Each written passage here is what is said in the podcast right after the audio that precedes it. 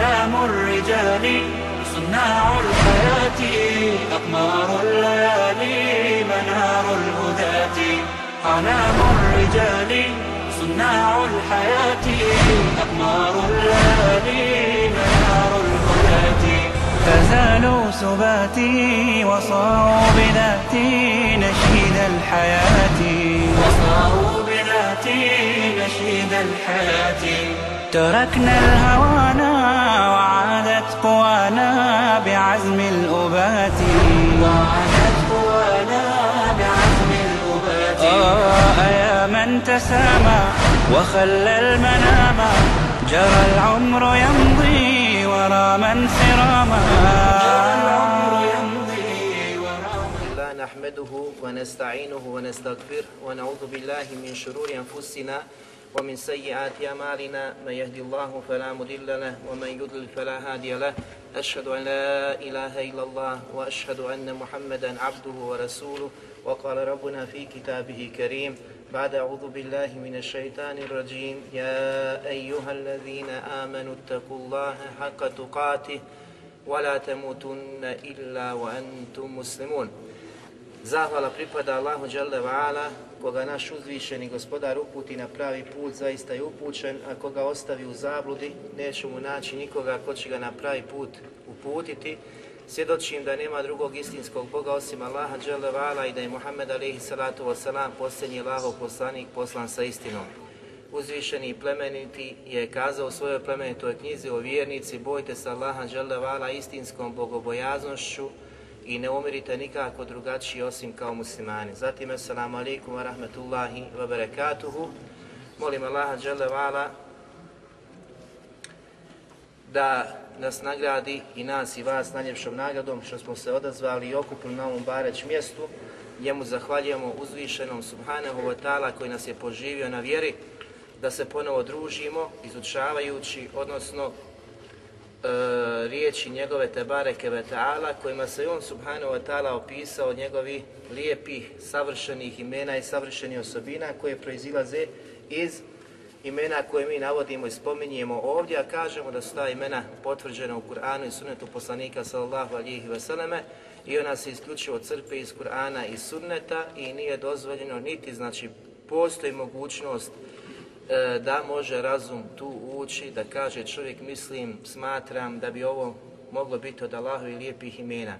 Allahova lijepa imena znači moraju biti imena koja je Allah dželevala spomenuo ili u Kur'anu ili sunnetu poslanika sallallahu alihi vseleme i mi takve znači navodimo i spominjemo isključivo iz Kur'ana i sunneta Muhameda sallallahu alihi vseleme. Prije nego što spomenuo večerašnje Allahova Tebare Kevetala ime, pitamo koje je bilo ime prošli put. El Bedi' što znači Tvorac, izumitelj, tvorac ničega. dalje i dalje E, to nam je jako bitno. Koji stvara bez primjera. Znači prije toga. To je jako bitno. To je jako bitno, znači znači Allahu te barek vetala imena El Bedija. Večeras, draga braćo, imamo jedno Allahovo te barek vetala veličanstveno ime koje ima jako, jako veliko značenje. Ar-Rauf, Ar-Raufu ili Raufun. Što može značiti blagi. Znači jedno od značenja blagi, samilosni. I to može biti znači značenja. Zatim onaj koji je samilostan prema svojim stvorenjima, koji je blag prema svojim stvorenjima, koji vodi brigu i posebnu pažnju prema svojim stvorenjima, koji daje svojim stvorenjima sve što im je potrebno za život i u dunjalučkom i ahireskom i ahireskom pogledu. Jedno od jako bitnih značenja da onaj koji olakšava stvorenjima, onaj koji olakšava stvorenjima. Tako da ta olakšica Allaha dželevala obuhvata i njegovu univerzalnu vjeru koja je od vremena poslanika sallallahu alihi veseleme do kijameskog dana jedina i ispravna vjera sa kojom je uzvišeni Tebare Kvetala zadovoljan. Vjera koja je lahka, vjera koja je jednostavna i takva, znači kao takva objavljena Muhammedu sallallahu alihi veseleme, da su po njoj vladaju svi oni koji su na Dunjaluku stvoreni od stvorenja, prije svega znači ljudi. Među njima ima oni koji su prihvatili, ima oni koji su odbili i danas imamo mnoge ljude koji kažu kako je vjera teška, nemoguće je znači praktikovati, nemoguće izvršavati propise, a mi kažemo da je vjera jednostavna, da je vjera lahka i da je došla od stvoritelja stvorenja, od gospodara svih stvorenja, onaj koji najbolje poznaje bit svih nas, stvoritelja koji savršeno stvara i koji dobro, dobro znači poznaje nas i ono što nam što naše duše mogu podnijeti. Tako da je vjera koja je došla od Allaha Đelevala nije ni u kom slučaju teška, već naprotiv ona je lahka, koji on te bare kevetala olakša i večeras ćemo vidjeti neke primjere od toga. E, Allahu te bare kevetala ime Ar-Raufu, kako kažemo, blagi i samilosni onaj koji želi da olakša i koji hoće da olakša svojim robovima. U jeziku je poznata riječ refetu. Refetu je kažu učenjaci poput Ezzeđađa, rahmetullah ali, da jedan dio učenjaka smatra da nema razlike između refetu i rahme, između milosti. Kao da je jedno te isto. Međutim, veliki dio učenjaka, znači ono što je ispravno mišljenje, da postoji razlika između riječi refetu i rahme. Refetu i rahme. Za čovjeka se kaže ređulun rahim. Ređulun rahim. E, što znači milosti ili samilostan čovjek. Milosti ili samilostan čovjek. A ovo refe ne dolazi tek tako. Ono je sveobuhvatnije i jačijeg značenja od rahmeta, od milosti. Pa kada bi se čovjek opisao ovim opisom i ovim svojstvom, daleko znači je jačijeg značenja, mora imati izrazito veliku milost kod sebe i samilost prema drugima. I zato uzvišen je Allah dželevala kada opisuje poslanika sallallahu alihi vseleme u Kur'anu u suri Teube šta kaže? Bil mu'minine raufun rahim. Raufur rahim. I prema vjernicama je on sallallahu alihi vseleme izrazito blag. Dobar i milosti. Pogledajte. Pa je došao prvo opis Rauf, zatim Rahim, što vidimo da je to dokaz da se čovjek može, da čovjek može imati ime, kako kažu kod nas Rauf, Rauf ili Rahim, jer je Allah vala opisao svoga poslanika sallallahu alihi veseleme sa ova dva imena koja su od imena Allaha vala, a u osobinama i svojstvima i značenjima koje nose i sadrže je velika razlika između opisa stvoritelja stvorenja ili nekoga od stvorenja koji ima neko značenje ovih navedenih, navedenih imena. Zatim u jeziku postoje postoje e, opisi čovjeka koji ima milost ili neki vid milosti, poput znači riječi rika. Rika označava u arapskom jeziku nježnost, zato se, zato se kaže ređulun raqiq, nježan, osjećajan čovjek. I navećemo na kraju predavanja inšala primjer nekoga koji je opisan sa ovim, sa ovim svojstvom od velikana umeta. Zatim, to je prva, prvi stepen koji čovjek može osjetiti u svome srcu neku nježnost, neku samilost, suosjećajnost drugima. Nakon toga dolazi rahme. Nakon, znači, kada uđe ta milost i samilost tvoje srce, ne možemo to pisati da si ti, znači, toliko milostiv i samilostan prema drugima, ali kada vidimo da je tvoje srce provladalo dobrotom, zatim, znači, možemo to pisati ređun rahim samilostan čovjek, milosti čovjek. Ali ovaj treći stepen, refe, je daleko sveobuhvatnije i jačeg značenja i od prve riječi, reka i rahme. Ređulun raqiq ili ređulun rahim, ovo je daleko znači veći, veći stepen dijela Đelešanu opisuje sebe i opisuje znači svoga poslanika sallallahu alihi veseleme da kažemo ređulun uh, ređulun rauf ređulun rauf to je znači daleko većeg, jačeg značenja od prva dva. Spominjanje ovog uzvišenog velikog imena u Kur'anu. Ovo Allahovo te bareke ime se spominja deset mjesta u Kur'anu. spominje se na deset mjesta u Kur'anu, prije svega u suri Bekare. E, jako je bitno, e, kako smo do sad puno puta kazali, da razmislimo o početku ajeta i njegovom e, završetku na koji način Allah dželevala završio određene ajete. Allah dželešanu kaže: "Wa ma kana Allahu li imanakum." I ovo je jako jedna mesela bitna e, koju ćemo posle ako da pojasni, odnosi se na kidu ehli sunneta. Pa kaže, inna Allahe bin nasi la raufun rahim. Zaista Allah želevala neće dozvoliti da vaš iman bude uzaludan, da vaša dobra djela budu uzaludna, da vaš trud bude uzaludan. Jer Allah Đelevala prema s ljudima je rauf, blag, samilostan i milostiv. Prema ljudima je blag, samilostan i milostiv.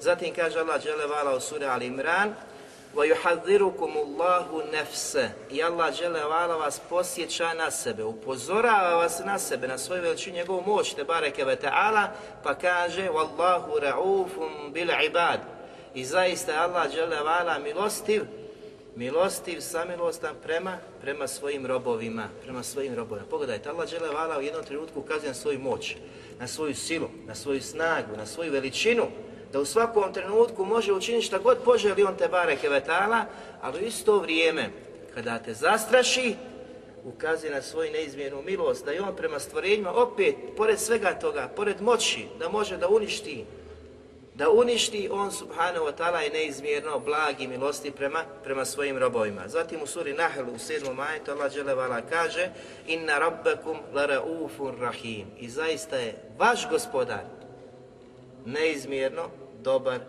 milostiv i blag. I neizmjerno, to se ne može znači izmjeriti, niti ukazati, jer su Allah te bare koja tala savršena svojstva takva da niko ne posjeduje ta, o, takve osobine kao što uzvišeni Allah dželevala posjeduje lej se ke misli i žej. Niko nije kao on. A ova značenja ovih osobina ne može neko Znači posjedovati niti postoji, niti će postojati neko sa sličnim osobinama Allaha te bareke, te bareke wa ta'ala. A onaj koji poredi svojstva Allaha dželevala sa osobinama stvorenja, za njega učinjaci kažu da je takav, da je takav nevjernik. U suri Al-Hadid Allah Đelešanu kaže هو الذي ينزل على عبده آيات بينات ليخرجكم من الظلمات إلى النور وإن الله بكم لرؤوف رحيم I on uzvišeni, Allah te bareke ve ta'ala, objavljuje i spušta svome robu ajete jasne, ajete jasne, kojima Allah dželevala izvodi ljude iz tmina i zablude na put svjetla i put upute. Zašto? Zašto Allah Đelešanu to sve čini? Zašto sve to radi? Zašto sve to objavljuje? Na kraju ajta kaže va inna Allahe bikum la raufun rahim. Jer on te bareke ve ta'ala je neizmjerno dobar i blag i milosti prema vama. I svoje neizmjerne milosti šalje vjer, poslanike, vjerovjesnike. I svoje neizmjerne milosti spušta knjige. I te knjige nisu tako, znači, nejasne. Da ti dođe poslanik i priča nekim jezikom koji ne razumiješ. Poslanik kada se je pojavio, u mjestu gdje se je pojavio, govorio je znači arapskim jezikom, da ga razumiju. Zatim je došao sa knjigom koja je na arapskom jeziku, tako jasno.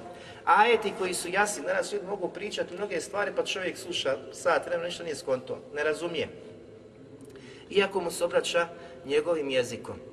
Ali Allah dželevala je tako lahkim učinio Kur'an, shvatljivim, razumljivim, da je pojasnio ono što je htio da se pojasni, shvatljivim učinio, pa su mnogi prihvatili, a mnogi su ostali u zabludi, kao i nađe, i oholnici, i silnici, koji nisu htjeli da prihvate istinu sa kojom je došao poslanik sallallahu alihi wasallam. Ali Allah Đelešanu ukazuje da Kur'an koji je objavljen poslaniku, ajeti koji su tako jasni, koje je dostavio poslanik sallallahu alihi wasallam, isključivo je to učinio zato što je on dobar i blag i milosti prema robovima, prema čovječanstvu. Što znači, jasno ukazuje da Allah Đelešanu želi hajr, želi dobro stvorenjima. A stvorenja ne smiju da iskoriste i da kažu, kao što danas tvrde mnogi, da Allah hoće on mene uputio, Allah je htio da ovakav budem. Razumijete? Allah Đelešanu želi od tebe hajr, želi ti hajr i želi da budeš na pravome putu, ali je tvoje da li ćeš odabrati ili ćeš ostati znači, u zabludu ili ćeš prihvatiti istinu sa kojom je došao poslanik sallallahu alihi wasallam. Jer on subhanahu wa ta'ala neizmjerno ti želi dobro i blage prema tebi. A tvoje je samo da prihvatiš, da pogledaš sa čim je došao, šta je to sa čim je došao poslanik sallallahu alihi wasallam. Kakve su to riječi, kakva je to knjiga, šta ukazuju, šta traže, ko je tvoj gospodar? Kada sagledaš vidjet ćeš da je to istina. I mi smo kazali da jedno od lijepi Allahovi Tebare Kvetala imena El Haq, koji je istina El Mubin, koji je jasna i očita, očita istina. I ajeti sa kojima je došao poslanik sallallahu alihi wasallam, ajeti su bejinat, jasni i očiti dokazi, jasni i shvatljivi, razumljivi za svakog onoga ko promisli i razmisli o onome sa čim je došao Muhammed sallallahu alihi wasallam. Značenje ovoga veličanstvenog imena kada se odnosi na Allaha subhanahu, subhanahu wa ta'ala. Al-Khattabi rahmetullah alih kaže Ar-Rauf je poput imena Ar-Rahim. Ar-Rauf je poput imena Ar-Rahim, samilosni, koji je blag prema svojim stvorenjima. Međutim, kaže, neki su kazali Rafetu da je sve obuhvatnijeg i jačijeg značenja od Rahme. I ovo je Hatabi, koji dobro i precizno pojašava riječi, posebno imena Allaha subhanahu wa ta'ala. Refe kaže, i on se navodi mišljenja, da su kazali da je sveobuhvatnijeg i jačijeg značenja od rahme, tako da je Allahovo ime Ar-Raufu daleko jačeg i sveobuhvatnijeg značenja koji ukazuje na milost i samilost od imena Ar-Rahim, od imena Ar-Rahim. A mi smo navodili mnogo primjera po pitanju imena Ar-Rahim i Ar-Rahman, Znači, toliko smo pojasnili Allahu subhanahu wa ta'ala milost i samilost kroz uh, kuranske ajete i hadise poslanika sallallahu alihi vseleme, tako da nam može biti jasnije Ar-Raufu, da je daleko, znači, jačeg značenja od imena Ar-Rahim. Zatim kaže, nekada rahme, milost, je sadržano nekim stvarima koje mi volimo i ne volimo. A u isto vrijeme Allahova milost prema nama. I navešam posle ako voda e, primjer koji imam, Kurtubi navodim. Znači nekada rahme, milost koja se spušta od Allaha subhanahu wa ta'ala na roba stvorenje, može e, sadržavati, obuhvati stvar koju voliš i koju ne voliš. Ali njena konačnica, odnosno završetak, rahme, milost prema tebi. A na prvi pogled kada pogledaš stvar, ne voliš, nisi zadovoljan, nisi zadovoljan s njom. Međutim, ovo drugo ime ili značenje riječi same aramsko rafetu, raufu, ne može sadržavati stvar koju voliš, koju ne voliš. Znači ona je u svakom pogledu, mi kuli već el vuđuh, u arapskom kako se kaže, kada pogledaš sa svih strana, u svakom pogledu, ona ukazuje na isključivo Allahu milost, dobrotu i samilost prema tebi. I ne sadrži nikakav vid nedaće, belaja ili onoga što prezireš i sa čim, sa čim nisi zadovoljan. Znači, to je jedna od razlika između imena Raufu i imena Ar-Rahim. Al-Huleymi rahmetullah alijih kaže da Allahu te bareke ime Ar-Rauf ima sljedeće značenje, jako je bitno. Kaže on, eh, rahmetullah alijih, Ar-Raufu je onaj koji olakšava svojim robovima. Olakša, pogledajte njegovog značenja kako znači dokučio značenje Allaha te barek u imenu Ar-Rauf, onaj koji olakšava, želi i voli da olakša stvorenjima. Pa kaže ne obavezuje i na one stvari, na one stvari koje oni ne mogu podnijeti. Allah te ne opterećuje sa stvarima koje ti ne možeš, ne možeš podnijeti. Zato poslanik sallallahu alejhi ve sellem je rekao boj se Allaha koliko si u mogućnosti. Koliko su mogućnosti? Allah Đelešanu zna koliko si u mogućnosti. Ja ne znam, ali ti znaš. I zna Allah Đelešanu. Ali ti se boj koliko su mogućnosti. Koliko su mogućnosti. Zatim kaže, stroge obaveze Allah Đelešanu je učinio, znači, strogom naredbom. Pogledajte, strogom naredbom. Znači, farzovi, svi sa kojim je došao poslanik sallahu alijih veselem, Allah je to, znači, e, strogo naredio. Tu nema poigravanja. Hoću, neću, danas hoću, sutra neću. Mora se odazvati, znači, naredbama koje je Allah Đelešanuhu naredio. Međutim, kad je naredio? U stanju tvoje mogućnosti. Razumiješ? kad su mogućnost, kad nisu mogućnost da izvršiš ono što te Allah naredio, on te ne opterećuje, niti traži od tebe da izvršavaš te naredbe. Kad u stanju nisi. Zatim kaže nakon toga, a olakšao je iste te obaveze u stanju tvoje nemoći i nemogućnosti. Pa navodi nakon toga primjer Mokima. Čovjeka ili osobe koja je stalno nastanjena u nekom mjestu i poput nas koji živimo, na primjer u Sarajevu. Allah Đelešan nam je naredio šta? Stvari koje moramo izvršavati u tom trenutku. Međutim, u isto vrijeme, osobi koja je musafir, Allah Đelešan mu je dao olakšice. Pa mi moramo klanjati potpuni namaz ovdje, a musafir kada odlazi na putovanje krati namaz. Umjesto četiri farza podne, on klanja dva rekata.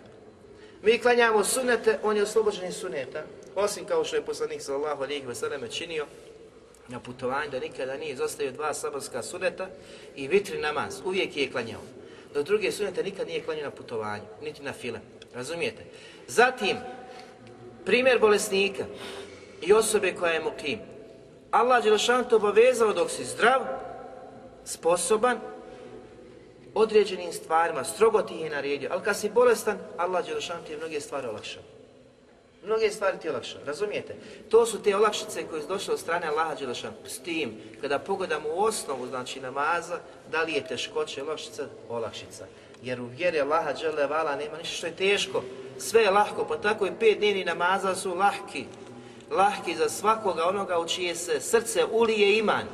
Ulije iman, ali u čije se srce ulije ili skrije nifak, licemjerstvo, takvima je teško da ustane na namaz, takvima je teško da klanjaju, takvi ne osjećaju užitak i, i slast obavljanja namaza i razgovora sa uzvišenim Allahom te bareke ve ta'ala, razumijete? I to su sad ogromne podjele i razlike između ljudi i klanjača koji klanjaju.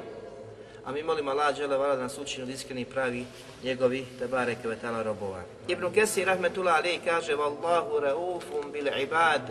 Allah dželevala je neizmjerno milostiv prema svojim stvorenjima, odnosno svojim robovima, kaže, on je milostiv prema svojim stvorenjima. Nakon toga kaže, voli da budu na njegovom i putu poslanika, alaih salatu wasalam.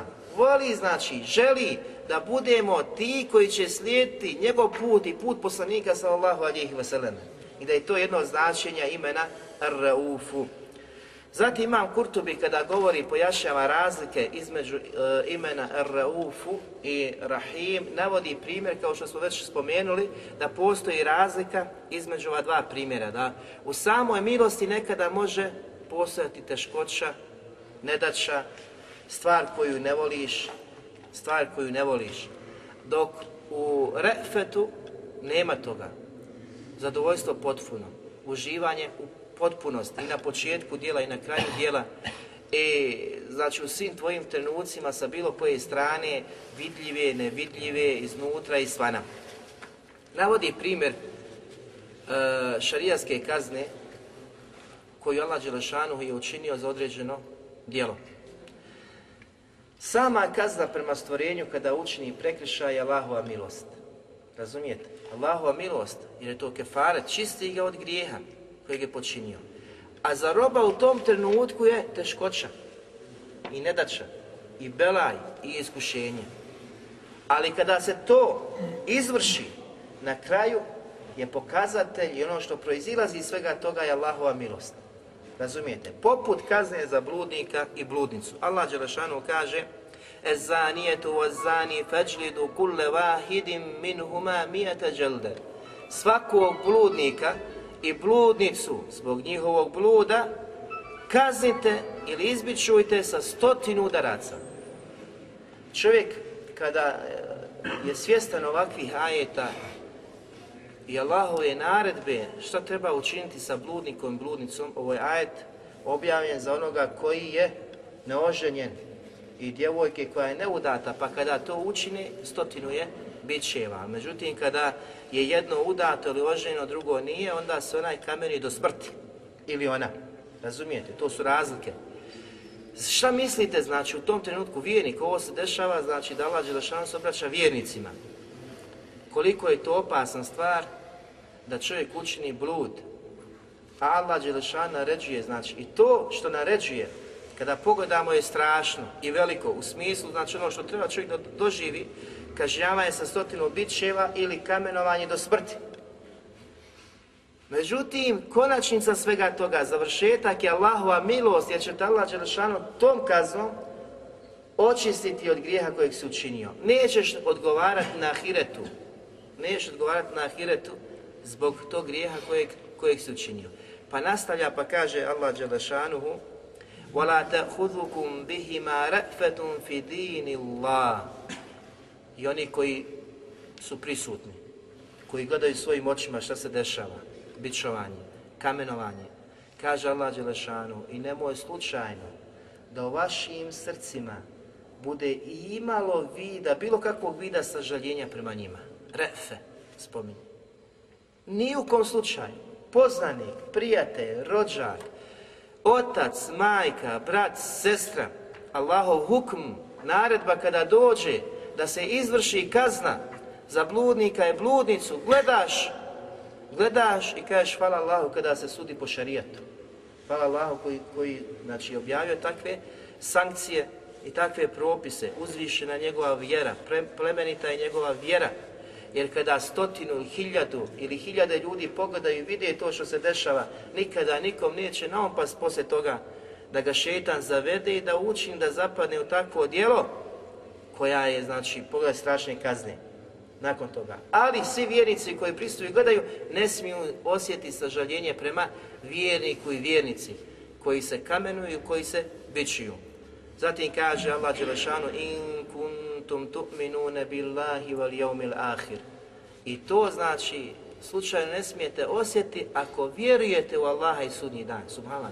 Uslov koji je postavio Allah Đelevala, da u tom trenutku nema sažaljenja prema tome ako vjeruješ u Allaha i sudnji dan. Što znači, ako ne vjeruješ u Allaha i sudnji dan, u srcu ćeš osjetiti, kako može biti takav šarijet? Jel, kakva se danas pitanja postavlja? Koliko su to krupna pitanja? Da čovjek nije zadovoljan sa šarijetom Allaha dželevala. Ne smiješ to osjetiti, ne smiješ sažaljenju, a ka, šta tek da kažeš, a ka... Nije to šarijet.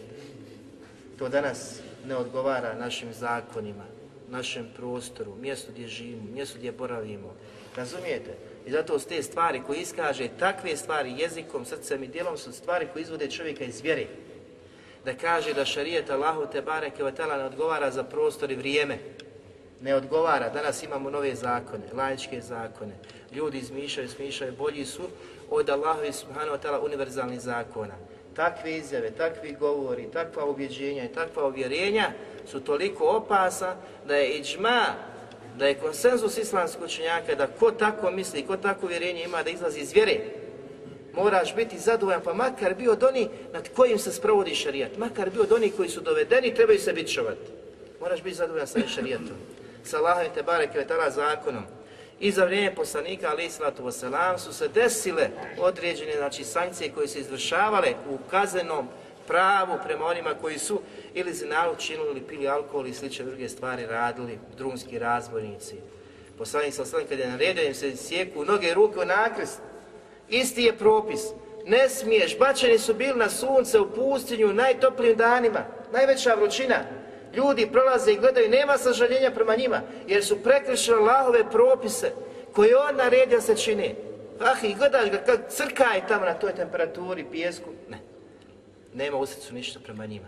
Jer su prekršili, narušili ono sa čim je došao uzvišeni Allah dželevala od propisa preko poslanika sallallahu, sallallahu alihi I onaj koji ih je bacio da gore na tom suncu i koji je naredio se u nakresu sjeku ruke i noge je poslanik sallallahu alihi veseleme koji je erham, najmilostiviji od svih stvorenja prema drugim stvorenjima. To je šarijet Allahu Đelešanu. Šarijetu nema igre i zabave. Danas ima zato što nema šarijeta nema halife, pa hoćeš, nećeš, ono, da, brate. Ja danas ovakav, sutra nakav. U šarijetu nema, u šarijetu i danas je ovakav, sutra ne možeš biti takav, nego doćeš pred kadiju pa kadija presudi, pa kaže ovako, ovako, ovako, neš, hoće. Ili se zatvaraš, ili se bićuješ, ili ovo, ono, zavisno od djela kojeg, kojeg činiš, šta radiš. I zato Allah te bare koje je tada šarijet najizvišeni, šarijat, vjerozakon i zakon po kojem trebaju ljudi da se vladaju. Tako iz navedenog, draga braća, da vidimo da razlika između rahme i refe postoji, Jer u ovom kuranskom ajetu Allah Đelešanu je opisao rahme. Rahme, nego refe. Tu e, veliku, izrazito, znači veliku e, vrstu sažaljenja, milosti i samilosti, samilosti prema drugima. Razlika postoji, znači da kažemo da je refe sveobuhvatnije i većeg i jačeg značenja od rahmeta, milosti. I druga razlika jeste da u rahmetu koji Allah Đelšan spušta prema tebi nekada može se desi da je u biti kada pogledaš stvar znači, koja nosi ili sadrži u sebi nešto što ne voliš. Razumijete? Belaj, ne daću. Dok u refe nema toga. Nema toga. Kao što je prijem budnika i budnice ili bilo šta. Znači ne daća belaj. Allah Đelšan ti iskuša sa bolešću. To je teško za tebe, teško podnosiš. Sad si zdrav, sad si bolestan. Ali Allah Đelšanu svoje milosti podario te bolest, iskušenje neko. Razumijete? A to iskušenje je sebe, ono te čisti. Čisti. Ako te ne čisti, podiže ti da reče kod Allaha te bareke vetala. Ako saburaš u ime, u ime njega i ako si zadovoljan sa onim što je došlo, što je došlo od Allaha subhanahu, subhanahu wa ta'ala. A ono što proizilazi iz Allahovog imena, Ar-Raufu, jeste, draga braćo, da je on, te bareke ve ta'ala, Rauf, blag i samilostan, prema iskrenim, pravim vjernicima. Ali također blag i samilostan prema onima koji griješe. Prema onima koji griješe. I da treća stvar koja proizilazi iz imena Ar-Rauf, da je on te barek ve ta'ala koji želi i hoće da olakša tebi tvoje poslove, tvoje obaveze, prije svega u vjerskom smislu, zatim u dunjaličkom pogledu. Allah žele vala te olakšava. Koliko stvari imaš žena što si činio jučer, što će sutra učiniti, nemoguće, jel, za pomisliti da možeš ostvariti to. Allah Đelešanu ti olakša i zato su učili ashabi s poslanikom sallahu alijih veselema da su kopali hendek koji je bio težak za kopati. Allahu dragi, ne postoji nešto što je lahko osim što ti učiniš da je lahko. Razumijete?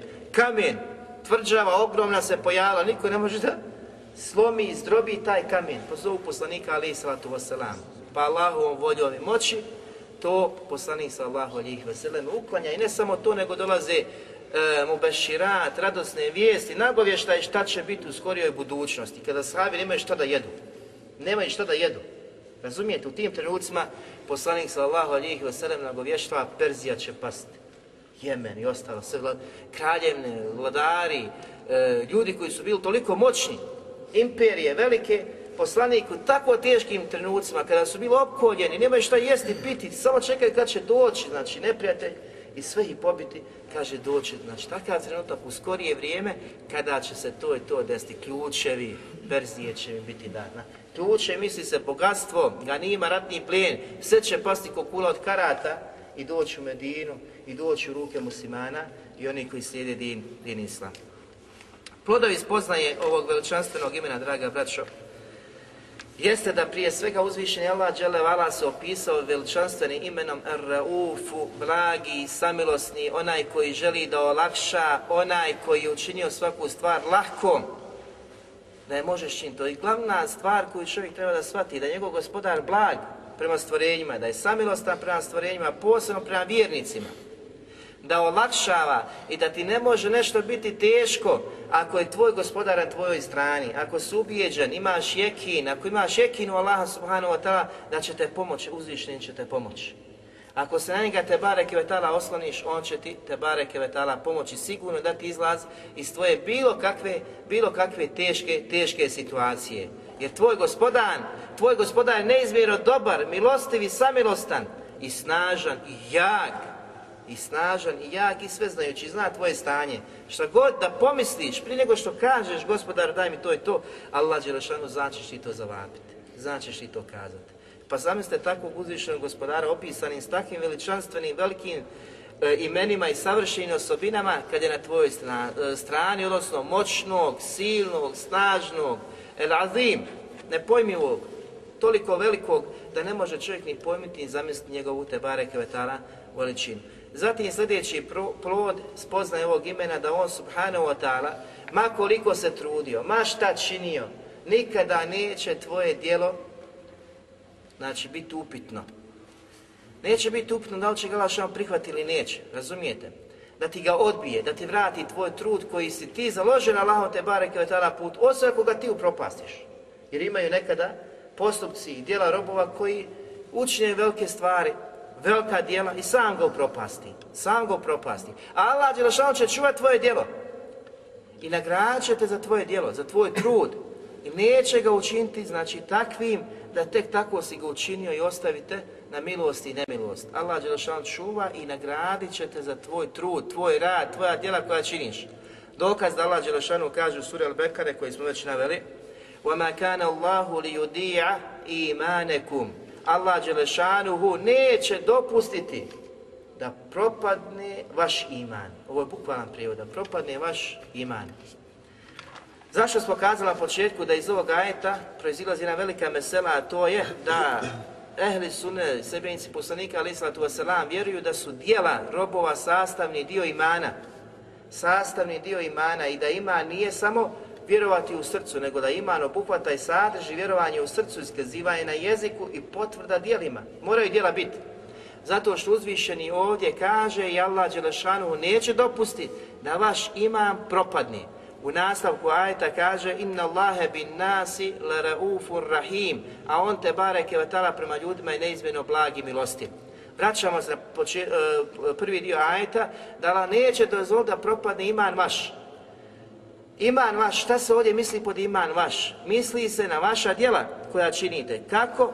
Iz, iz prostog razloga, jer sebe spuštanja ovog kuranskog ajeta jeste da su ashabi, kada je jedan broj ashaba preselio koji su okretali gdje? Prva kibla muslimana gdje je bila? Prema znači Kutsu, Mešid Aksa, tamo su se okretali prve znači e, e, grupe muslimana koji su primili din. Nije bilo prema Kabi, nego su tamo okretali. I kada jedan dio njih preselio, vratio se uzvišenom Allahu Đelešanu, Allah je usmrtio. Počeli su drugi pričati šta će biti s njihovim namazom. Jer u međuvremenu se desilo promjena kibli. Promjena kibli. Tako da se počeli muslimani okretati prema Meki, prema Kabi. Pa su počeli pitati šta će biti s njihovim dijelima, s njihovim namazom. Pa je uzvišeni Allah Đelešanu objavio da on subhanahu wa ta'ala neće dopustiti da propadnu vaša dijela. Pa je nazvao dijela koja? Vjerovanje u poslanika sallallahu alihi vseleme dijelom, vjerovanje u Allaha dželevala dijelom, vjerovanje, znači okretanje tvoje prema kibli dijelom, a to je postupak, tvoj namaz kao postupak, sve je to obuhvatila riječ iman. Sve je to obuhvatila riječ iman. Ono što su svjedočili, što su izgovarali, također je prihvatila, uh, odnosno obuhvatila ova riječ imane kum. Allah žele vala neće dozvoliti da propadnu vaša djela. Što znači ako budeš iskren, radio iskreno, radi Allaha subhanahu wa ta'ala, to ćeš naći i Allah Đelešan će to sačuvati i po tome, po tome ćete, po tome ćete nagraditi. Zatim Allah Đelevala, znači u sljedećem ajetu u kojem spominje svoje veličanstveno ime, ukazuje, to je plus poznaje, ukazuje na sebe, upozorava na sebe, da je on subhanahu wa ta'ala snažan, moćan i jak, da kazni kada god poželi, koga god hoće. Ali na kraju završava pa ukazuje na svoju neizmjenu dobrotu i milost i samilost prema, prema stvorenjima. Allah Đelešanu kaže يوم تجد كل نفس ما عملت من خير محضرا وما عملت من سوء تود لو أن بينها وبينه أمدا بعيدا ويحذركم الله نفسه والله رؤوف بالعباد Allah Đelešanu prijeti i upozorava na sebe prije nego što nastupi sudnji dan. Prije nego što nastupi sudnji dan. Zbog čega? Zato je velika spoznaja ovih velikih veličanstveni Allahovi te bareke vetala imena da uzmeš pouku iz njih a to je da Allah kada ukazuje i prijeti i upozorava na sebe, na svoju silu i moć i kažnjava i na ahiretu prije sudnjega dana, daje ti šansu, jer na kraju završava da je neizmjerno blag i dobar prema vama, milostiv. Allah Đelešanu kaže onoga dana kada svaki čovjek bude našao ono što je radio, ono što je činio.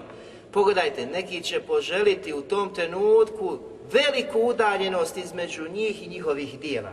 A to su dijela su ružna djela, ružni postupci koje su činile Dunjaluku, oni će poželiti da ih nikada nisu činili, odnosno da ih nikada ne, vide na tom sudnjem strašnom velikom danu, zbog teškoće. Ali Allah Đelešanu na kraju tog kuranskog ajeta kaže zaista je Allah Đelešanu Allahu raufum bil ibad blag, samilostan, milosti prema svojim robovima. Kako? Jer ti je ovo saopštio prije sudnjeg dana. Nije došao na sudnji dan pa rekao, e, robe, ti to i to radio, a to je bilo od pogreške. loših dijela, nego ti na Dunjaluku upozorava i ukazuje na sebe, na svoju moć, sutrašnji dan koji te očekuje, a to je stajanje pred uzvišenim Allahom subhanahu wa ta'ala i odgovornost za sve što si činio. Neće to tek tako proći. Morat ćeš stati, morat ćeš odgovarati.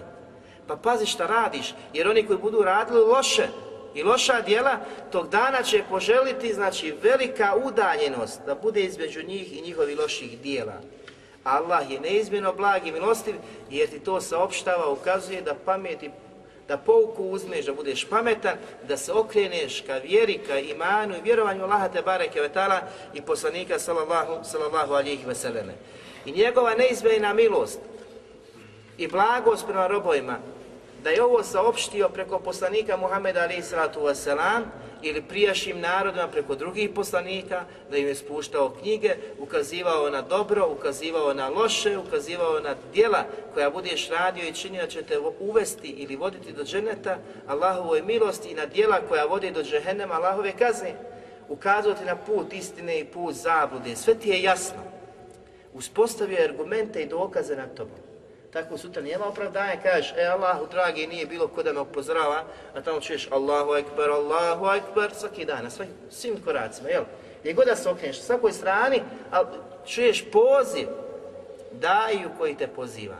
Allah je najveći, a tebi je dunjaluk veći, tebi je kafić veći, tebi je djevojka veća, tebi je posao veći, tebi je familija veća, sve ti je veće od Allah, Allah kaže Allahu ekber,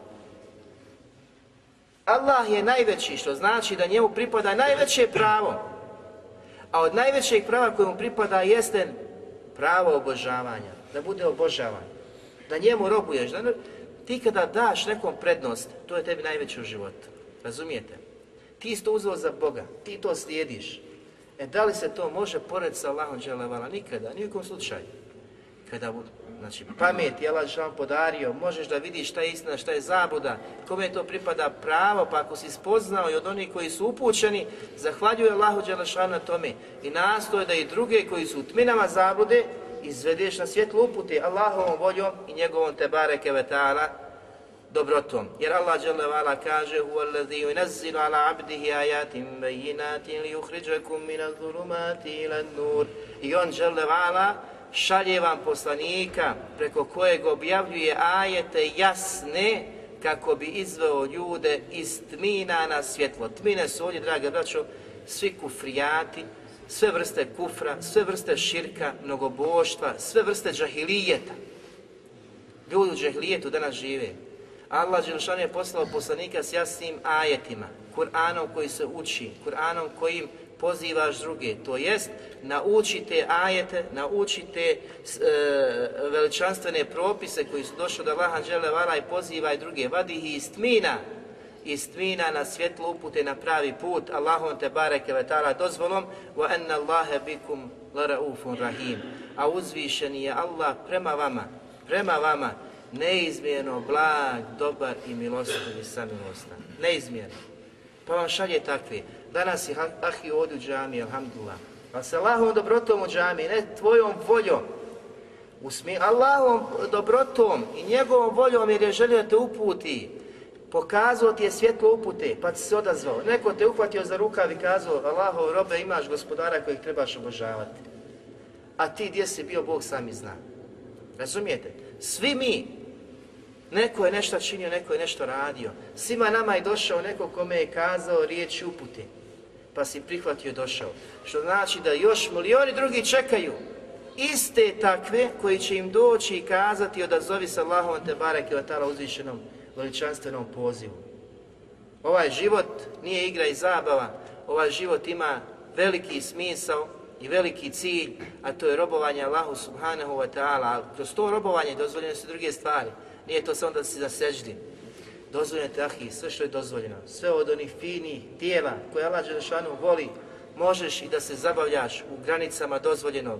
Možeš da se družiš, da se igraš, razonodu da imaš u svome životu. Sve to imaš u šarijatu, Allahom te bareke vetana.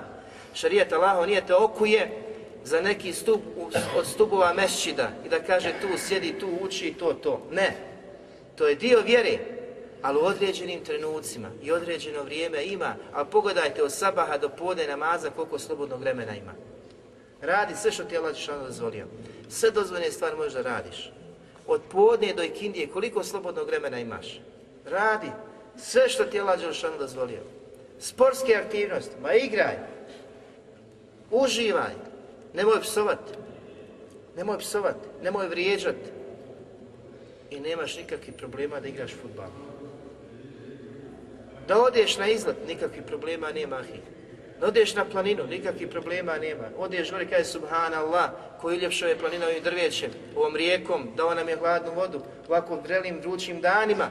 Ti slaviš, veličaš Allaha i imaš još uz to. Razumijete? To je sve Allahu te bareke ve šarijat. I nije znači šarijat nešto teško da kažeš ja to ne mogu. To su ljudi koji su zabili džamiju. Mi se nismo zabili džamiju i mi nismo oni koji se čahure. Mi smo ljudi koji žive život, koji ostali ljudi, ali se razlikujemo u tome što vjerujemo Allaha subhanahu wa ta'ala i ispoljavamo ono što je naredio. Tebi je naređen posao koji onome što trči za dnjal dan noć. Isto. Naređen ti je posao. Moraš rad, moraš zaraditi, moraš živjeti, moraš jesti, moraš piti, moraš imati za djecu, ženu, porodcu. Ali ne sada imaš milijone. Niko to nije rekao. Milijone ako je Allah otvorio toliko, pa inšala ti možeš zaraditi dženet. Hvala Allah.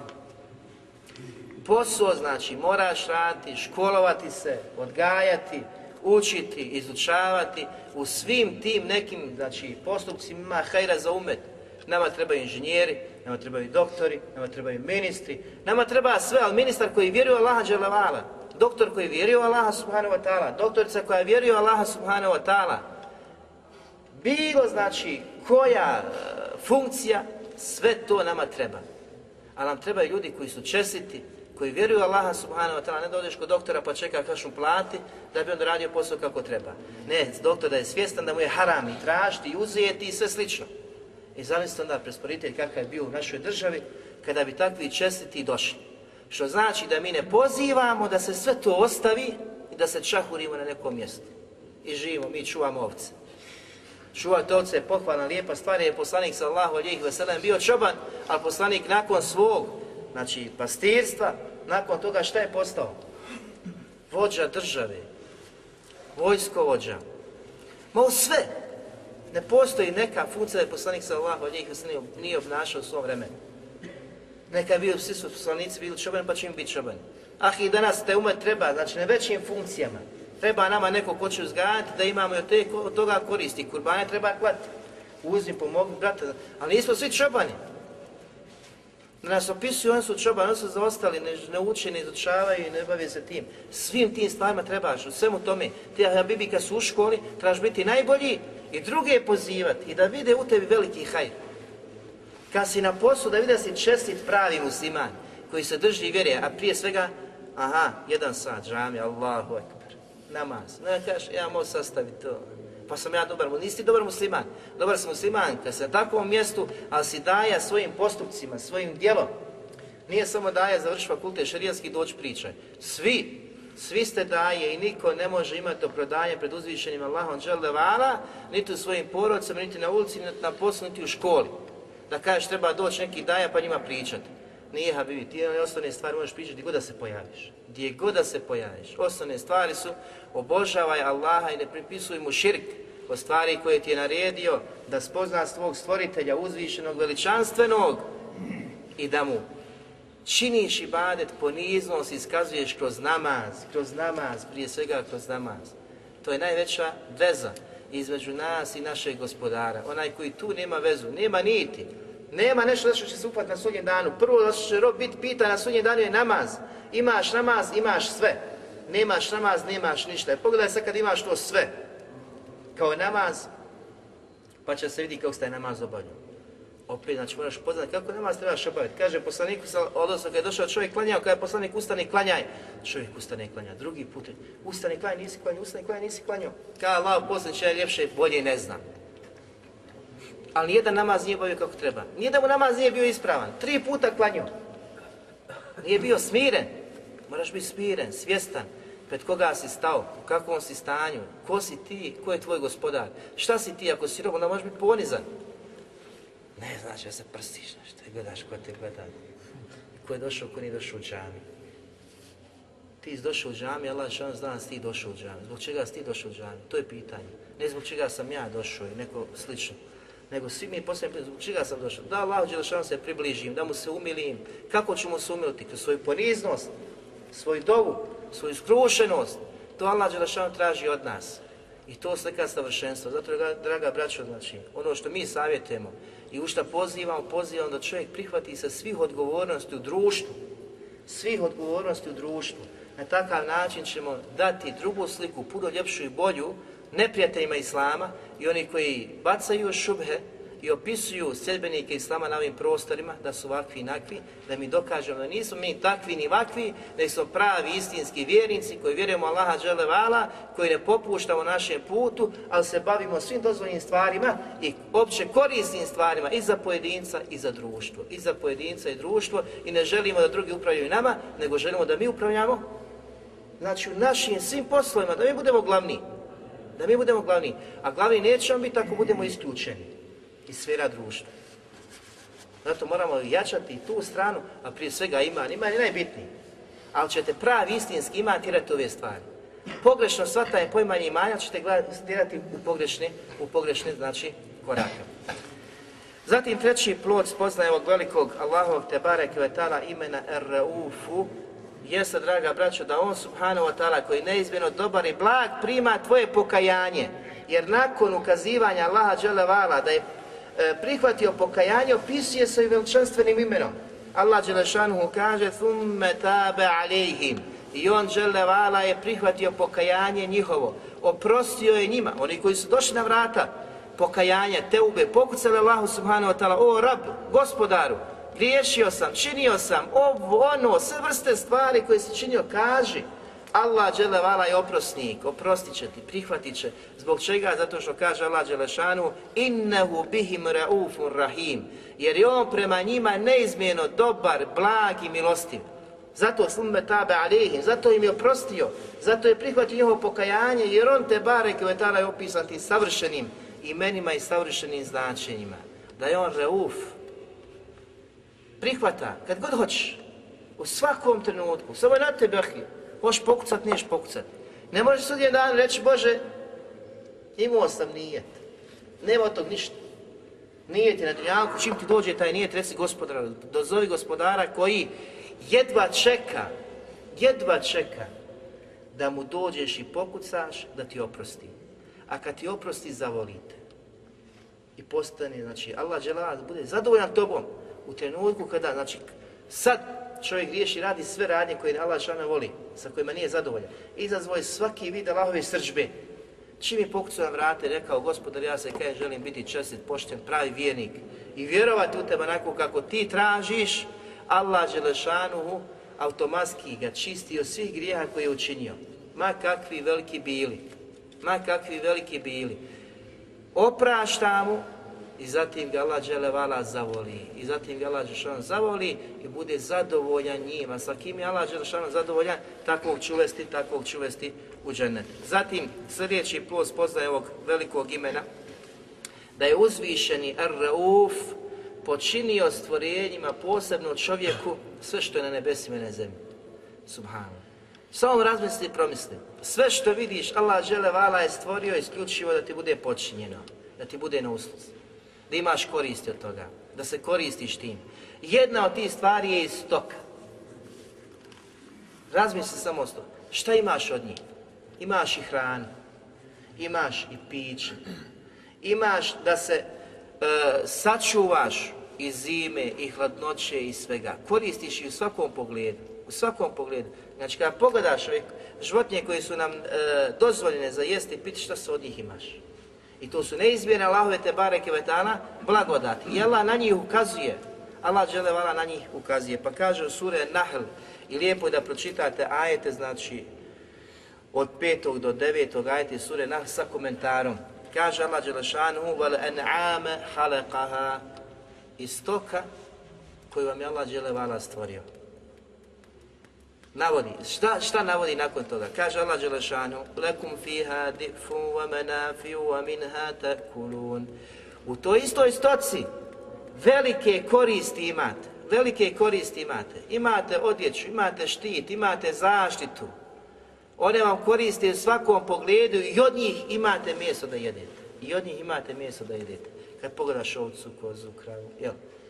Odmah da se sjetiš da je to Allahovo, Allahova blagodat koju je dao čovječanstvu, koju je dao čovjeku, da mu bude od korist. Počinio da ima mnoge koristi od toga. Pa zatim kaže Allah Đelešanuhu وَتَحْمِلُ أَثْقَالَكُمْ إِلَى بَلَدٍ لَمْ تَكُونُوا بَالِغِيهِ إِلَّا بِشِقِّ الْأَنفُسِ I ne samo da imate od tije korist, nego imate drugu korist, a to je da vam one koriste u transportu, da vam nose stvari, da ih jašete i vas isto tako, da nose gdje god poželite. Pogledajte korist deve.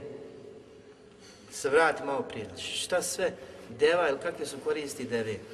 Ali je to sve Allahova blagodat na koju ukazuje i traži da promisliš, da razmisliš, da pouku uzmeš, da ti imam poraste, ahi. Ne da kažeš to je tek tako došlo nešto, bum i došla deva. Nije to tako. Niti može bum, što nema buma danas, razumije. Nego jednom samo se desilo i nastalo sve. Kako je sve nastalo tako? Allah džele vala, gdje god da se okreneš ima ajet, ima znak koji ukazuje na njega subhanahu, subhanahu wa ta'ala. Gdje su ljudi koji pouku i razum imaju, da to prihvate, da to potvrde. I zar ti treba neko ubjeđenje, da neko priča da je ovo stup, stup.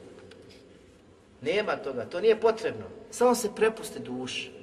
Prepusti onim osjećajima, pozitivnim, pravim. Pa ćeš vidjeti. Nemoj da se prepustiš onoj duši koja naginje zlu. Koja hoće protive, strast, uživanje. Pa odmah dođe teškoća, ne može, znate. Moram ovo, ne mogu ovo. Moram ono, ne mogu ono. Sve što mu je uživanje ne mogu, a sve što misli, nije vrate, u islamu ćeš uživati na najljepši način. U svemu. Sve što misli da ti je zabranjeno, onoga što najviše priželjkuješ, u islamu ćeš naći. Poslanik Arislatu Oslan kaže, udajite neoženjene, znači ne udate, udajte i ženite ih, čim postanu punoljetni. I završio se sve probleme. To je glavna stvar koja mladića danas sprečava da krene stazom Islama, stazom pokornosti, Allahu te bareke ve. Čim postaneš punoljetan, imaš pravo i mogućnost da se ženiš, Allah dželevala ti je otvorio, ukazao taj put. Ako nisu mogućnosti, nemaš nekih prihoda, zato se trud da ih stvoriš, ali dok ne stvoriš te prihod, posti ahi, Allahu dželevala će se približiti, to ti je zaštita i štit od harama. A zamislite slasti čovjeka koji posti radi Allaha subhanahu wa ta'ala kako bi bio sačuvan ovih, ovih stvari nedača i zla koji ga okružuje sa svih strana na ovim prostorima. Allah te neće zaboraviti. Allah te neće ostaviti. Allah će te pomoći, Allah će biti na tvojoj strani. Allah voli bogobojazne, Allah voli ponizne. Allah Đelešanu je obećao da svaki onaj koji ostavi nešto radi, radi njega, isključivo radi njega, će mu to dati mnogo bolju stvar, ljepšu stvar od onoga što je on priželjkivo, a koja je haram. Čovjek kada je svjestan toga, ima takav, ima toga, nosi ah, i letiš ti, već šta god je pred tobom. Ne znam kakve zidine, brda, doline, ti to prolijećeš Allahovom voljom, Allahovom voljom. Nema mi za ti mogućnost udora, nisi ti mogućnost, nego Allah će te olakšati. Allah će ti dati izlaz jer si mu trki, jer si bogobojan, zarad njega ostavlja stvari. Ne gledaš haram, ne slušaš haram, nisi da stvarima, u stanjima i situacijama, sjelima gdje se Allah dželevala psuje, njegove naredbe krše. Allah će ti dati mnogo bolje, društvo će ti dati bolje, Už, uh, užitak na dunjalku mnogo bolji. A šta tek misliš šahi, šta će ti podariti od skrivenih nagrada na ahiretu, što si sve to ostavio radi njega subhanahu wa ta'ala i što si saburo radi njega subhanahu wa ta'ala. To nisu male stvari, to su krupne stvari, ali koliko god da vidiš da je to teško, nešto nemoguće, nemoguća misla, ona je moguća, jer na tvojoj strani je onaj koji je najjači, a to je Allah dželevala. I niko ti neće olakšati ako ti Allah dželešani i olakša. Niko ti neće pomoći ako Allah što nije odredio ti bude neko na pomoći. Zato se na njega osloniš, pouzdaš i on će ti sve dati. Ali od tebe traži šart da budeš mutekija, da budeš bogobojazan. Ako si bogobojazan, sve ovo ćeš imati. Ali ako u startu nisi iskren, neiskren si, imaš nedumice, sumnje, hoće li, neće, ovako ili onako, nema ti izlaza. Zapašeš u još veći bela i teškoću, a to je na duševna ona je pritisak. Ja, jo. I samo čekaš trenutak kad ćeš ostati sve što, što imaš od dobrote kod sebe. To je dobrota din i vjera u Allaha dželevala. I mnogi koji su skrenuli sa ovog puta, osjetili su ovu duhovnu teškoću, pa su mislili ako ostave to sve, uživat će. Pa gdje su sada ih pitamo koliko uživate? Koliko ste zadovoljni s vašim životom? O teškoće koju sad osjeća ne možete vidi. Ne može da priča s tobom. To je vid teškoće, belaja i nedaće koju mu Allah Đelšana tovario na pleća zbog onoga što je znao pa je ostavio. Poput magarca koji ima breme knjiga, ali mu ne koristi. Poput drveta gdje misliš da je ono dobro, da od njega ima kvalitetu, ono šupljo, ništa od njega nema. Razumijete, takvi su oni koji krenu stazom pa ostave ovu stazu upute. Misli da je sreća negdje drugo. Nema sreće, nema zadovoljstva, nema rahatluka, osim u uživanju, zaista pravom, iskrenom uživanju, vjerujući u Allaha subhanahu wa ta'ala. Tu je pravi užitak. Da učiš fatihu znajući njeno značenje, tu ti je užitak. Užitak pravi. Iyake na'bud. Da to znaš šta si izgovorio. Da si svjestan te rečenice, tog ajeta, te veličine, da ti je sve ahi pored tebe prolazno, nebitno, beznačajno, ali je najznačajnije i jake na'bud, samo tebe obožava. Va i nesta'in. I samo se na tebe oslanjam. Samo od tebe pomoć tražim. Ti si na strani strpljivi, ti si na strani bogobojazni, ti si na strani vjernika, iskrenih, pravi, oni koji su ostali radi tebe. To je tvoj gospodar kojeg stalno spominješ u suri Fatih. Samo trebaš biti svjestan. Svjestan njegove veličine, njegove moći i onoga što tražiš, od koga tražiš. I on, subhanahu wa ta'ala, će ti pomoći biti na tvojoj strani. Zatim sljedeći plus poznajog veličanstvenog imena Ar-Rauf, da je uzvišeni Allah subhanahu wa ta'ala opisao svoga poslanika sallallahu alihi wasallame ovim velikim imenom. Allah Đelešanu kaže u suri Taube u 127. ajetu لَقَدْ جَاءَكُمْ رَسُولٌ مِنْ أَنفُسِكُمْ عَزِيزٌ عَلَيْهِ مَا عَنِتُّمْ حَرِيصٌ عَلَيْكُمْ بِالْمُؤْمِنِينَ رَؤُوفٌ رَحِيمٌ I došao vam je poslanik, Allah Đelešanu ga opisuje. Jedan od vas, učenjaci kažu, jedan od vas priča vašim jezikom. Ne kažeš, mi te ne razumijemo, šta se to kazao? Šta to ti pričaš? Danas se prave ljudi kada mu kažeš ovo je vjera pojaša, kaže šta to ti pričaš? Kada ti pričaš, jel, na nekom jeziku koji ne razumije. I kad je daja, i kad je pozivač, obična osoba, vjernik, kad poziva druge, dolazi od Allaha subhanahu wa ta'ala, koji je jedan od vas, koji vas razumije, kojeg razumijete, obraća vas i poziva. Ali kakav je bio poslanik sallallahu alihi wasallam? Allah Đelešanu ga opisuje Azizun alihi ma'anitum njemu je teško, zaista osjeća veliku teškoću kada vidi i primjećuje na što sve vi nailazite od problema, nedača i kušnje. Znači, toliko je poslanika, sallallahu alijih ve sellem, bolila situacija kada vidi na što sve nailaze vjernici. Harisun, koji jedva čeka i priželjkuje, ma kako stanje ljudi bilo, da krenu pravim putem. Razumijete? Ti kao pojedinac musliman, Allah te uputio, počastio imanom, fala Allahu dželevala. Allah i moraš, imaš veliku želju i žudnju da i drugi osjete to što si ti osjetio. Zato kažemo, nema čahurenja, nego izađi u društvo, budi s njima, miješaj se s njima, kaže poslanik alaih wasalam, najbolji su od vas koji? Koji se miješaju s drugima i trpe njihove uvrede, i trpe njihove uvrede. Ne mogu ja, ja moram ići tamo, na, oni to pričaju, ne mogu ja to podnijeti. Ahi, tvoje je da se miješaš, da budeš svima, sve dok možeš ispoljavati svoju vjeru. Kad nisu mogućno da ispoljavaš svoju vjeru, onda hijđra, čini, bježi, šta moraš ostaviti, upitna vjera tvoja. Danas nije takva situacija, danas je miješanje i samo miješanje i samo miješanje, odnosno to miješanje dava. Dava. Tvojim postupkom, tvojom pričom, tvojim ponašanjem, razumijete? To plini srca ljudi danas, subhana, da su svi učahuli oni koji su primili davu i vratili se islamu u ratu ili nakon rata, šta bi ovi drugi osjetili danas? Da su i pobjegli neko mjesto i a, barikade, nešto da se podigle, ne možeš vamo i to je to ako nisi od nas. Kako će biti to kada nisi s njim? Da ga pozoveš, da ga pozivaš, da se družiš s njim, razumijete? E to znači pogreške nekakve i shvatanja koja treba, koja treba popraviti i ispravno, ispravno shvatiti. Kaže poslanik alaih sallatu wasalam, bu'istu bil hanefijeti samha. zaista sam poslan sa čistom i lahkom vjerom. Jer je označenja imena Rauf, kako kaže Hulemi, što je rekao Hulemi? Da Allah Đelešanu lakšava svojim stvorenjima. Ovo je jedan vid olakšice. Da je poslanik, ali wasalam, poslan stvorenjima sa lahkom vjerom.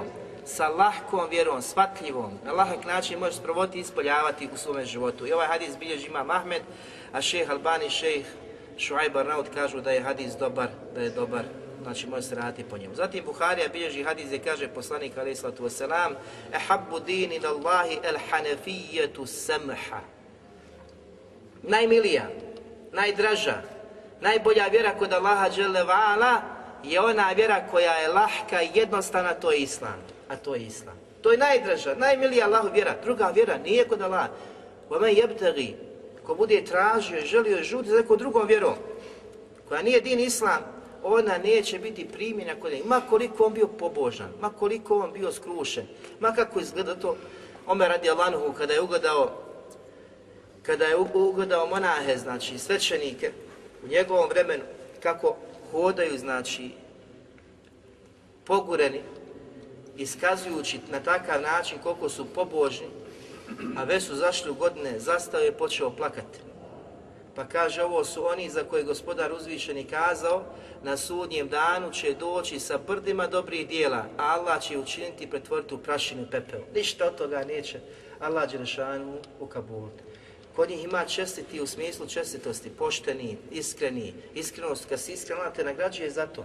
Razumijete? Kad činiš dobročinstvo, Allah te nagrađuje za to. Kod njih ima i takvi, razumijete, čuvaju se harama, oni poznati i opće poznati harama. Sve su to dobra djela i ta djela će rasti kod njih. Međutim, na sudnjem danu, kada dođe, ništa od toga neće prihvatiti. Biti kod Allah, zato što nimaju osnovu vjere.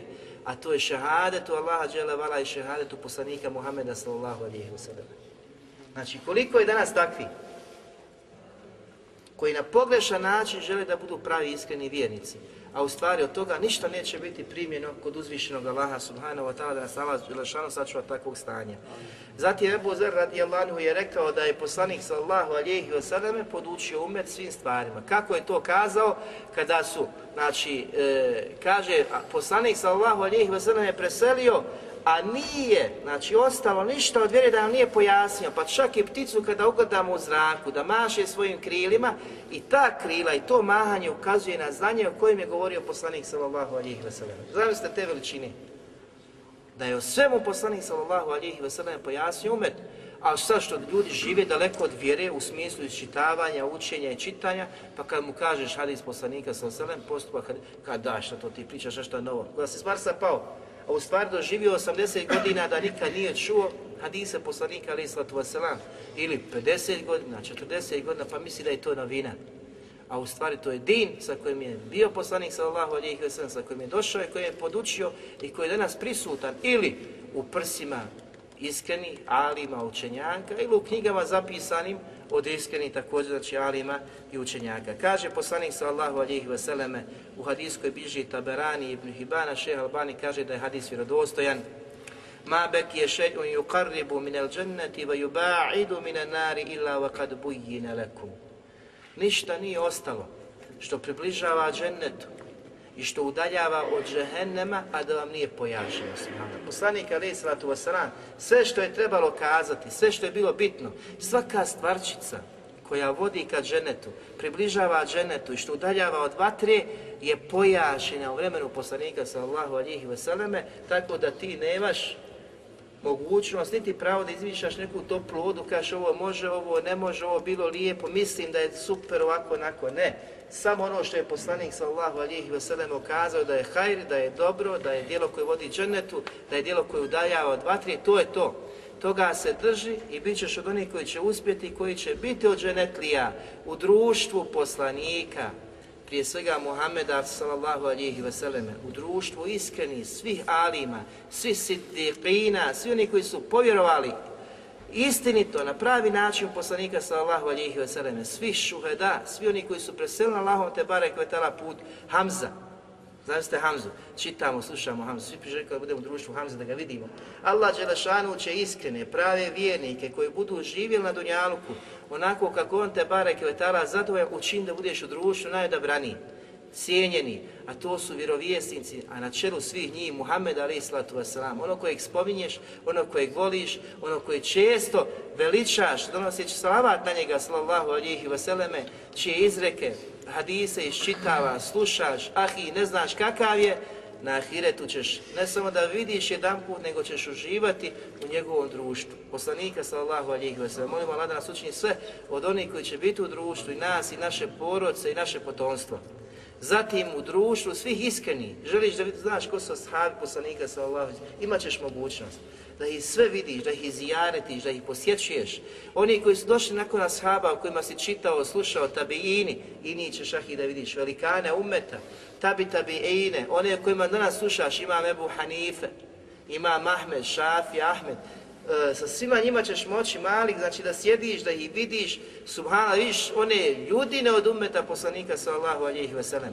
Ne neke futbalere danas što pričamo, slušamo, o njima ovakvi su, nakvi su i priželjkujemo da nam se potpišu, subhana. Wallahi, treba da, da imamo želju da budemo društvo i čestiti, pravi, iskreni vjernika koji su preselili na Allahom te bareke putu, da vidimo one koji su osvojili pa, i, velike dvije imperije koje su pale, Islam koji su do, donijeli do Španije, oni koji su nam donijeli Islam u Europu, u Bosnu, Sultan Fatih, i svi oni koji su bili dobri vjernici, kojima će Allah kada svoju milost, da sjediš Tarik ibn slušaš, gledaš, gledaš nešto napravljeno kod použivaš sve u tome, čitaš historiju Islama, gledaš kako, da vidiš ko je ta ljudina, ko je taj musliman, kojeg Allah Đelešanu toliko uzdigao i počastio i podario mu tolike pobjede, da znaš ko je Halid ibn Veli, da sjediš u njegovom društvu, ah i to je užitak, to je zadovoljstvo. Ovo danas je sve prolazno, bude i prođe ali su one glavne stvari, najbitnije stvari u životu, jeste da ono što Allah Đelešan obećao, da sjedi sa takvim u cijelom društvu, sa svojim porodcama i na kraju svega opet se vratiš u ona svoja prostranstva dženevska uživanja, te čekaju hurije, žene dženevske, koje niko niti je vidio, niti je dotakao.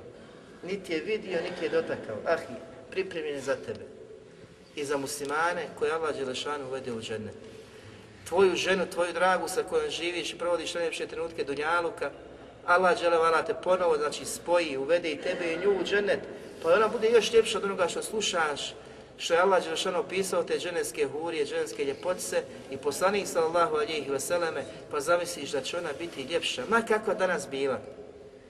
Zato ljudi koji žive u brakovima, koji su znači, stupili u bračne vode, nikada ne smiju dozvoliti da šetan zavede, da kaže, eh, danas je došlo do ovdje. Jučer si bila lijepa, danas nisi. Jučer si bila ovakva, danas nisi. Ah i, i ti i ona ćete biti drugačijeg izgleda, puno ljepši jedni i drugi i uživat ćete u svemu onome što će mala što podariti. Da to budi strpljiv i i mlada, i žena, i sestra, i ti. I nemojte dozvoliti da se šetan poigrava sa brakovima, da brakovi pucaju kao što danas pucaju nego razmišljajte o veličanstvenim ciljevima, velikim ciljevima, to su ženska prostranstva i uživanje, kako ćete tamo uživati vi, vaša djeca, vaše, vaše potomstvo. Zatim, zadnji pod koji ćemo navesti da je uzvišen Allah Đelevala Ar-Raufu, koji ulijeva ovaj vid milosti u srca ljudi. Znači, ne možeš biti milostiv ne možeš imati tu milost u svome srcu ako ti Allah Đelešan ne ulije u srce i ne podari da budeš milostiv. Allah Đelešan kaže u suri Al-Hadidu 27. majetu وَجَعَلْنَا فِي قُلُوبِ الَّذِينَ تَبَعُوهُ رَأْفَةً وَرَحْمَةً Govoreći o Isao alaih salatu wasalam, kaže mi smo u srca oni koji su ga slijedili, ulili samilost, blagost i milost. Ko? Allah žele vala. Ovaj ajet obuhvata sve. svi oni koji budu vjerovali i u poslanika Muhammeda wasalam i slijedili knjigu, Allah žele vala je taj koji ulijeva ove stvari u naša, u naša srca da budemo od onih. A Allah Đelešanu kada iskaže, ukaže to i ulije u tvoje srce, onda su posebni Allahu te bareke vetala dragi. Zato je nezamislivo da imaš vjernika koji nema, znači, samilosti. Koji nije milostiv. Kako može, znači, biti vjernik koji je grub, osuran, odbija svojim ponašanjem, svojim obhođenjem Znači ne može biti vjernike koji je milostiv i samilostan prema drugima, u svakom pogledu, koji oprašta, prelazi, i o ovom smo govorili, znači u Allahu te barek vetala imenima Ar-Rahman i Ar-Rahim. U pohadis poslanika sallahu alihi vseleme stoji Inna lillahi anijete min ahli ard I ovo je jako bitno. U istinu Allah ala posjeduje posude na dunjalku, na zemlji. Posude na dunjalku, na zemlji. Anijetu rabbikum kulubu ibadihi salihin. A te Allahove posude na zemlji su srca njegovih iskrenih i dobrih robova. Zatim kaže poslanik sallallahu alejhi ve sellem: "Wa ilayhi wa ruqqaha." A najdraža srca od tih srca su Allahu te bareke ve taala ona koja su samilosna, koja su milostiva, su osjećajna. To su najdraža srca Allahu te bareke ve taala. Što znači, jah, ako tijela to iščupao, ako nemaš te milost. Znate najprimjer poslanika sa Seleme kada je došao čovjek pa vidio poslanika kako čo, dijete znači milki po glavi pa kaže zašto to činiš, vam desero pa to ne radim. Kaže šta ću ti ja kad tijela iščupao iz srca milosti, samilost.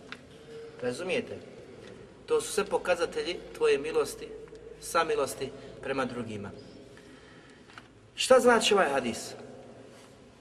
Ovaj hadis, draga braćo, znači da Allah Đelšanu voli ona srca ona srca u koja se ulila samilost, a to su srca koja, kada se Allah Đelešanu spomene, kada se njegovo ime spomene, obuzme strah i strahopoštovanje.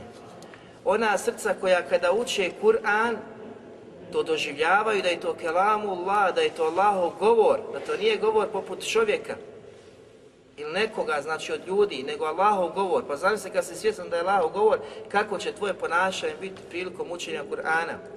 Tvoja bogobojaznost, tvoja svijest, tvoj tedepur, tvoje razmišljanje, promišljanje o Kur'anu. To su srca koja su opisana. Srca kada su svjesna svega toga, kada uče Kur'an i slušaju Allahu i poslaniku sa Allahu alijih veseleme, ne mogu se suzdržati da ne zaplaću. Jer su srca ta odakle proizilazi ono što te tjera na plać. Ako u srcu toga nema, ne možeš plakati, možeš samo pretvarati. Može se samo pretvarati. Ali onaj u čijem srcu je samilost i milost, takav će dosjeti slast učenja Kur'ana, e, spominjanja Allaha subhanahu wa ta'ala i veličanja Allaha subhanahu wa ta'ala. Primjer nam je Ebu Bekr radi Allahanhu. Kada je poslanik alaih sallatu bio u teškim, odnosno u zadnjim danima svome života kada je bio bolestan, naredio je, kako Ajša radi Allaha kaže da je poslanik s.a.v. bio uveden u njenu kuću, pa je kazao Muru eba Bekrin fa yusalli bin nas. Naredite Ebu Bekru da predvodi ljudima namaz. Da klanja ljudima namaz, da bude imam. Pogledajte kako Ajša radi Allaha opisuje uh, Ebu Bekra radi Allaha. Kalet Ajša ja Rasulallah, o Allaho poslaniče kazala je i neba bekrin ređulun rakikun la jemliku dem'ahu. O Allaho poslaniče, zaista je e Ebu Bekr nježnog srca, osjećajnog srca. Ne može se suzdržati da ne zaplaće. A posebno kaže u nastavku fa innehu iza kar'alu Kur'ane beka. Jer on kada god prouči ili zauči Kur'an, počne plakati. Subhana. Zamislite tog stanja Ebu Bekra. Taka da predvodi nama. S drugim rivajetima je došlo, neće ljudi razumjeti šta uči od plaća. Koliko je plakao. Neće biti razumljiv dok uči Kur'an. Gdje su srca današnjih ljudi? Gdje su naša srca? Da ih strah opuzme, da zaplaću i strah od Allaha subhanahu wa ta'ala, od uživanja učenja Kur'ana, Allahovog te bareke ve ta'ala govore. Sve je lijepo diviti se, razumijete, i potvrđivati ja sam musliman, ja sam ovakav, ja sam nakav. Ali su, ono, su ovo ljudi koji su prestigli sve druge. Umet koji se nikad neće pojaviti poput umeta poslanika, odnosno njegove generacije sahaba poslanika sallallahu alaihi. Ali šta je kod nas problem, šta nas prečava da naše suz, oči zarose, da mi pustimo suzu radi spomena Allaha te bareke vetala i poslanika sallallahu alihi vseleme i svijesti koja treba da bude kod vjernika o Allahu njegove veličini, o Allahu njegove veličini, njegovom pravu kod nas. Čovjek se ne može roditi takav, u smislu da je svjestan. I on oskače, odgaja se, dolazi na te deređe. Ali se trebamo truti, ako to danas nemamo, ako to danas ne osjećamo, da tražimo puteve i načine koji vode da budemo takvi. Da tražimo puteve i načine koji vode da budemo takvi. Ali su grijesi ti koji su nas nadvladali, koji isprečavaju da budemo takvi. Srca koja je prekrila, znači tmina, tmina naših grijeha sprečava tvoje srce bude osjećajno. Da tvoje srce zadrhti, zastrepi pred spomenom Allaha subhanahu wa ta'ala i učenja Kur'ana. Što znači da trebamo pročistiti naša srca, kanice i manice svih vidova griješenja koje imamo pri sebi, kako bi osjetilo ovu slast i uživanje u namazu. Ovo što je Ebu Bekr doživljavao, to ljudi ne bi mogli platiti sa kompletnim, cijelim dunjalukom i ono što je na njemu. Niti bi to Ebu Bekr radi Allahu dao. To što je on osjećao u srcu ne bi nikada dao za sva bogatstva dunjaluka. Zato što niko nikada ne može doživjeti uživanje i ljepotu ono što je doživio, što je doživio Ebu Bekr, koji je najbolji i najdobraniji umetu poslanika nakon Muhammeda sallallahu alaihi wa sallam. Subhanak Allahumma hamdika,